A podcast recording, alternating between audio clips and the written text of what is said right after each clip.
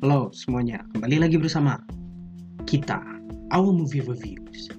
Setelah hampir setahun atau memang sudah setahun, ya terus nggak pernah ngelirik-lirik podcast lagi. Tetapi gue masih review-review film di Letterbox. Nah, oleh karena itu, kalian jangan lupa follow di Letterbox dengan nama yang sama, Our Movie Reviews. Dan kita punya fanpage di Facebook dengan nama yang sama juga, Our Movie Reviews. Jadi, gue baru ada waktu lagi untuk melakukan podcast. Nah, sepertinya di film kali ini adalah ya gue harus melakukan comeback di podcast.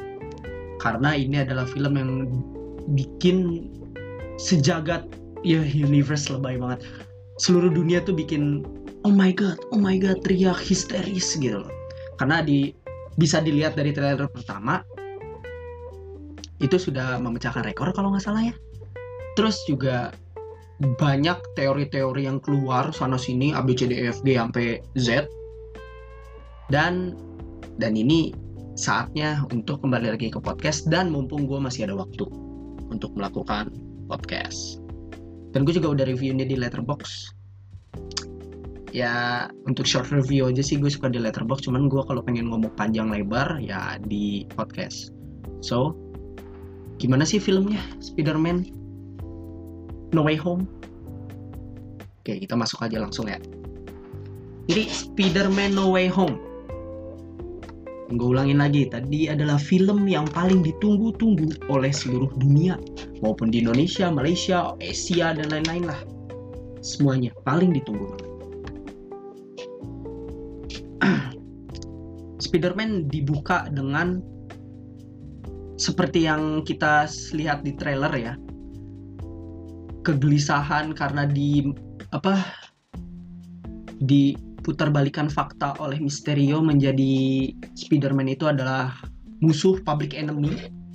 Dan itu mempengaruhi psikolog dan mempengaruhi kehidupan Peter Parker sang Spider-Man dan koleganya teman-temannya.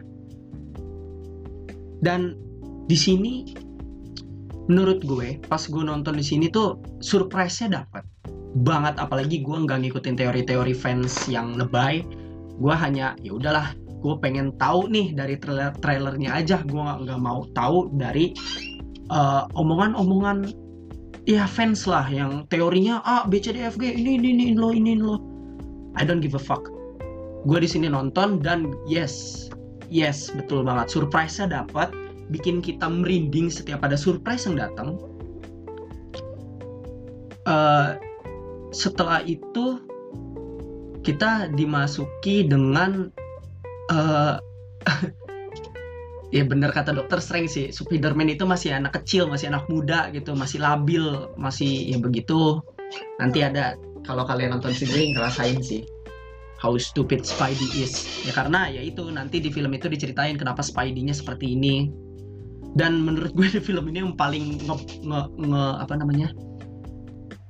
Nge-carry nge-carry film ini tuh William Defoe bagi gue William Defoe itu bener-bener pengcarry film Spider-Man. Bukan Doctor Strange bukan Spider-Man bukan Ned atau siapa? Siapa yang Zendaya tadi? Gue lupa namanya. MJ-nya no. Itu nggak mengcarry. Ya mengcarry tetapi menurut gue yang paling mengcarry banget yang paling greget banget itu si Goblin. Ya udah udah Osborn itu yang paling ngeselin paling keren. Tetapi selama gue menonton Spider-Man jujur uh, apa ya namanya ya? Uh, gue merasakan merinding nontonnya. Jadi setiap ada surprise yang muncul tetetet tetetet itu tuh gue gua gue merinding. Bener-bener merinding tapi I feel gue gue gue ngerasanya biasa aja gitu. Flat gitu nggak nggak kayak uh, apa yang row seat depan gue yang sampai standing standing ovation teriak-teriak. No I don't feel that. Yang gue rasain zaman dulu pas nonton Endgame itu nggak gue rasain di Spider-Man. Walaupun emang iya di Spider-Man ini bener-bener bikin kita goosebumps. Gue jujur goosebumps parah bener-bener harus ditonton banget ya bagi gue yang kagak nonton dan kagak baca teori emang bener-bener bikin kita goosebump. Dan kalau gue lihat-lihat sama yang review-reviewer yang lain emang ya sama gue setuju bener-bener keren gitu loh keren. Cuman gue ngelihatnya biasa aja I feel enjoy gitu. Gue meng mengenjoykan surprise surprise tersebut apalagi ada ikonik ikonik tertentu dan sering melakukan callback callback yang dulu emang pernah terjadi. Dan itu seru seru. Cuman kangen aja rasanya tuh kayak ya loh gini banget dah ya kan gitu. Tapi di lain sisi hal gue nggak merasakan apa ya mungkin mungkin guanya boring mungkin guanya boring dengan formula Marvel atau MCU yang gitu-gitu aja. Kecuali Eternal yang menurut gue walaupun gue review apa gue bilang Eternal gue lebih setuju dengan Rotten Tomatoes tetapi gue uh, merasakan banget nih bedanya dengan Eternals dan uh, Spider-Man. Di Spider-Man kita merasakan tuh ya Marvel banget gitu. Fresh uh, seru asik joke joke-nya candaannya ya seru gitu asik. Yang gue rasain seperti itu. Tetapi ketika gue nonton dan membandingin Eternals dengan Spider-Man gue gue lebih merasakan ya Eternal yang lebih bagus. Dalam hal vibe-nya ya vibe-nya dengan apa apa sih tonnya lah kalau gue bisa bilang. Walaupun di Spider-Man ini gue bisa bilang Spider-Man itu di sini lebih sedih lebih mengharukan lebih. Jadi gini senang dan sedihnya itu dapat dicampur aduk emosi kita. Nah di situ. Tetapi yang gue bilang tadi I feel bored with uh, MCU formula. Maybe uh, Marvel need a new formula like Eternals yang berani berubah beda seperti itu. Mempunyai filosofisnya tersendiri gitu loh. Karena menurut gue selama 10 tahun MCU berkarir eh muncul I feel bored karena ya gitu-gitu aja lucu haha hihi haha hihi heartwarming udah gitu loh. Itu yang gue rasain. Tapi tetap gue tengetin lagi ini film bagus banget bener bagus gue jujur bagus tapi for untuk diri gue sendiri selama gue nonton ya biasa aja but I feel goosebump. Iya gue gue ngerti maksudnya gimana ya gue juga bingung gimana. Gue nonton ada ada ada adegan kejutan ketika adegan kejutan keluar gue bilang oh my god oke okay, gitu. Oh my god oh gini oh gitu. Merinding nih pas pas ada suatu scene yang favorit banget ada di sana. Dulu gue nggak bisa ini gue pengen non spoiler non spoiler supaya lu, pada bisa merasakan apa yang gue rasakan. Ya, dari gusbamnya dari keseruannya apa sama penonton yang satu studio sepenuh itu akhirnya gue bisa ngelihat satu studio penuh lagi semenjak endgame dan semenjak si pandemi pandemi kurang ajar ini akhirnya gue bisa ngelihat satu studio full. And I love it. I really love it. Kapan lagi bisa begitu? Setelah pandemi kelar. Ya mudah-mudahan tahun depan 2022 kita bisa nonton rame-rame lagi. Tuh itu tuh. Gue nungguin banget. Nah untuk Spider-Man lagi kita balik lagi ke Spider-Man. Untuk surprise yang diberikan oleh MCU kepada kita mungkin most of all orang-orang puas gitu. Iya puas. Bagus kok bener-bener bagus. Gue muter-muter nih ngomongnya karena emang bagus. Tapi di diri gue apa yang gue tontonin kayak hampa aja kayak dissatisfied kayak udah gini doang apalagi di last fight di act 3 di last fight ya kenapa begitu doang? Karena gue mikir ya itu kan emang diceritakan emang seperti itu emang Spiderman-nya tuh gimana gimana gimana gitu loh. Dan tapi di situ gue kurang puas gitu loh. Dan memang film Spiderman itu sangat-sangat sedih di sini tuh sedih banget bro. Sedih lah. Pokoknya karakter development untuk Spider-Man kali ini tuh lebih nge-build up untuk ke the next Spider-Man yang ke, kuliahan karena kan di sini kan uh, eh, SMA kelas 3 ya apa sih apa apa lagi pengen nyari-nyari kuliah.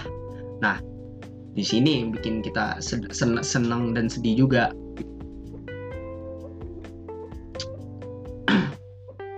Lalu ketika final fight itu keren.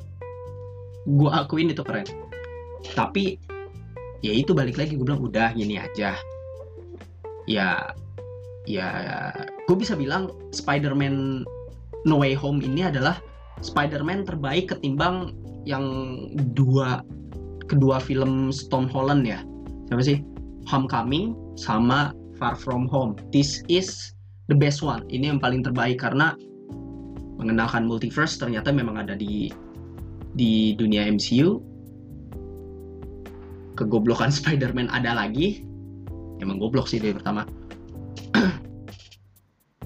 Surprise saya yang dapat bagi kita bikin kita teriak-teriak bikin kita semangat gitu antusias. Nah ya bagi gue sih lu pasti pada suka suka banget. Gue juga suka. Gue ngasih skor ini 3,5 per 5 ya jujur karena gue emang masih suka tapi flat aja gitu nggak kayak nggak dapat excitement seperti uh, apa orang-orang yang ada dalam satu studio. Maksudnya nggak sampai applause nggak sampai uh uh nggak sampai begitu kayak gue dulu nonton Endgame. Dulu nonton Endgame tuh gue dap dapat banget rasanya ketika kayak hype paling keren siapa namanya Amerika Captain Amerika uh, ngambil palu. Itu kan hype banget sampai kita teriak-teriak gue aja sampai pengen berdiri rasanya. Nah di sini tuh gue ngerasa flat aja. Oh ya udah begitu aja. Karena emang ya formula MCU seperti itu gitu-gitu doang. So I'm not surprised dan menurut gue di sini MCU lebih pinter untuk ngambil para fans untuk tetap stay di MCU karena dari semua film eh dari semua uh, dari beberapa scene yang udah keluar gue hanya merinding biasa. Ya kan? Gue hanya merinding biasa. Tetapi ketika kredit scene keluar nah di situ gue mulai ya itu yang kayak kayak gue pas endgame oh gitu-gitu. Nah ini ada di scene kedua dan di gara-gara ada di scene kedua, gue lagi lagi lagi menunggu film MCU. Emang pinter, emang pinter Marvel emang untuk cari duit ya. Untuk, untuk gue nonton scene kedua, apa post credit scene yang kedua yang terakhir, gue mikir ini trailer atau emang lanjutan? Karena potongan itu kayak trailer gitu, short short trailer gitu. Potongan-potongan gitu. Nah abis gitu pas gue tonton lagi secara serius gue melongo dan ketika ada karakter yang lebih bagus pleng keluar di scene kredit 2 bah I lost my mind bro. Gue bener-bener nunggu langsung ini selanjutnya gue harus nonton. Ini yang terakhir kalinya. Sepertinya itu itu film yang itu nanti akan film terakhir gue nonton MCU karena kalau MCU nggak berubah formula I'm not gonna watch that again. Or maybe I will watch it in Disney Plus ya. Karena kan ya murah Disney Plus kan. Ya seperti itu. Overall lu nggak boleh meninggalkan film ini. Karena film ini bener-bener hype udah penuh sampai hari Minggu apalagi kemarin ada drama di Tix ID gue mah aman-aman aja gue belinya di Shopee. Indoors bro. Nah kok indoors endorse astaga. Nah jadi kalian gak boleh meninggalkan film ini. Sampai kredit scene kedua selesai dan pasti kalian akan teriak-teriak kalau kalian tahu referensi-referensi dan call callback callbacknya. Ini film Spider-Man yang menegangkan asik seru rame. Banyak surprise-nya. Banyak bikin kita merindingnya.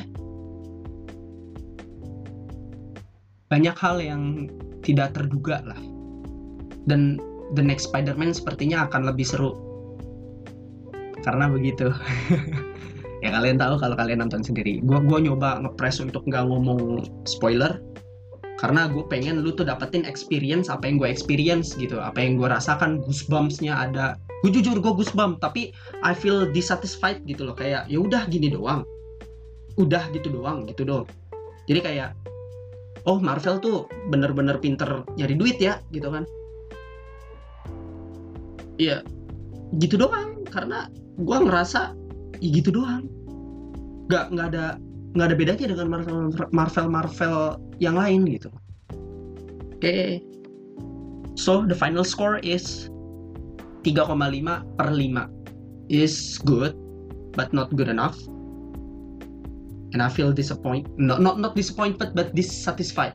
Nggak terlalu satisfied kayak pas sudah filmnya kelar. Oh udah. Gitu. Itu aja sih. So nah tapi kalian jangan lupa nih mentang-mentang Spider-Man No Way Home keluar, kalian melupakan tiga film lokal. Rekomendasi film lokal terbaik menurut gue ada tiga ya untuk bulan Desember. Pertama, wajib banget itu kalau ini sekarang masih harus kalian kejar di bioskop, seperti Dendam, Rindu harus dibayar tuntas. Nah, ini adalah 18 plus film dewasa. Jadi kalau kalian di umurnya di bawah 18 jangan nonton. Karena ini benar-benar dewasa. Karena omongannya itu eksplisit banget dan ada adegan-adegan banyak yang eksplisit. Tapi bagus banget bro. Gue suka banget sumpah. Gue speechless nonton itu. Walaupun di endingnya gue denger di samping gue ngomong hah? Udah gitu doang.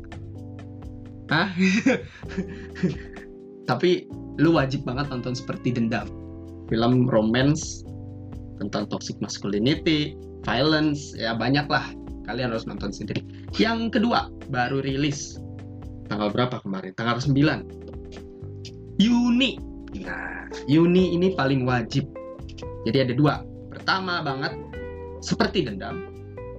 Yang kedua banget Juni itu udah harus nonton. Juni tentang masyarakat patriarki yang hobi kawin.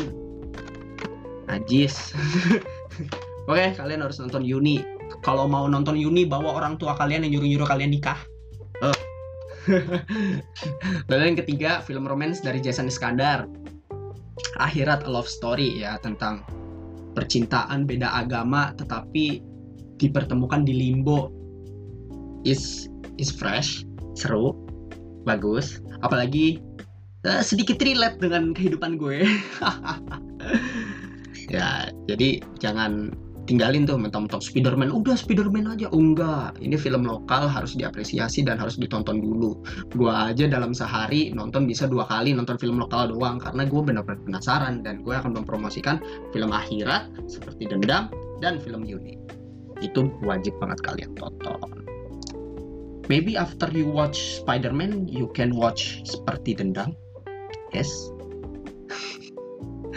Oke, sekian itu aja dari gue mengenai pendapat tentang Spider-Man The Way Home. Goodbye. See you in the next episode.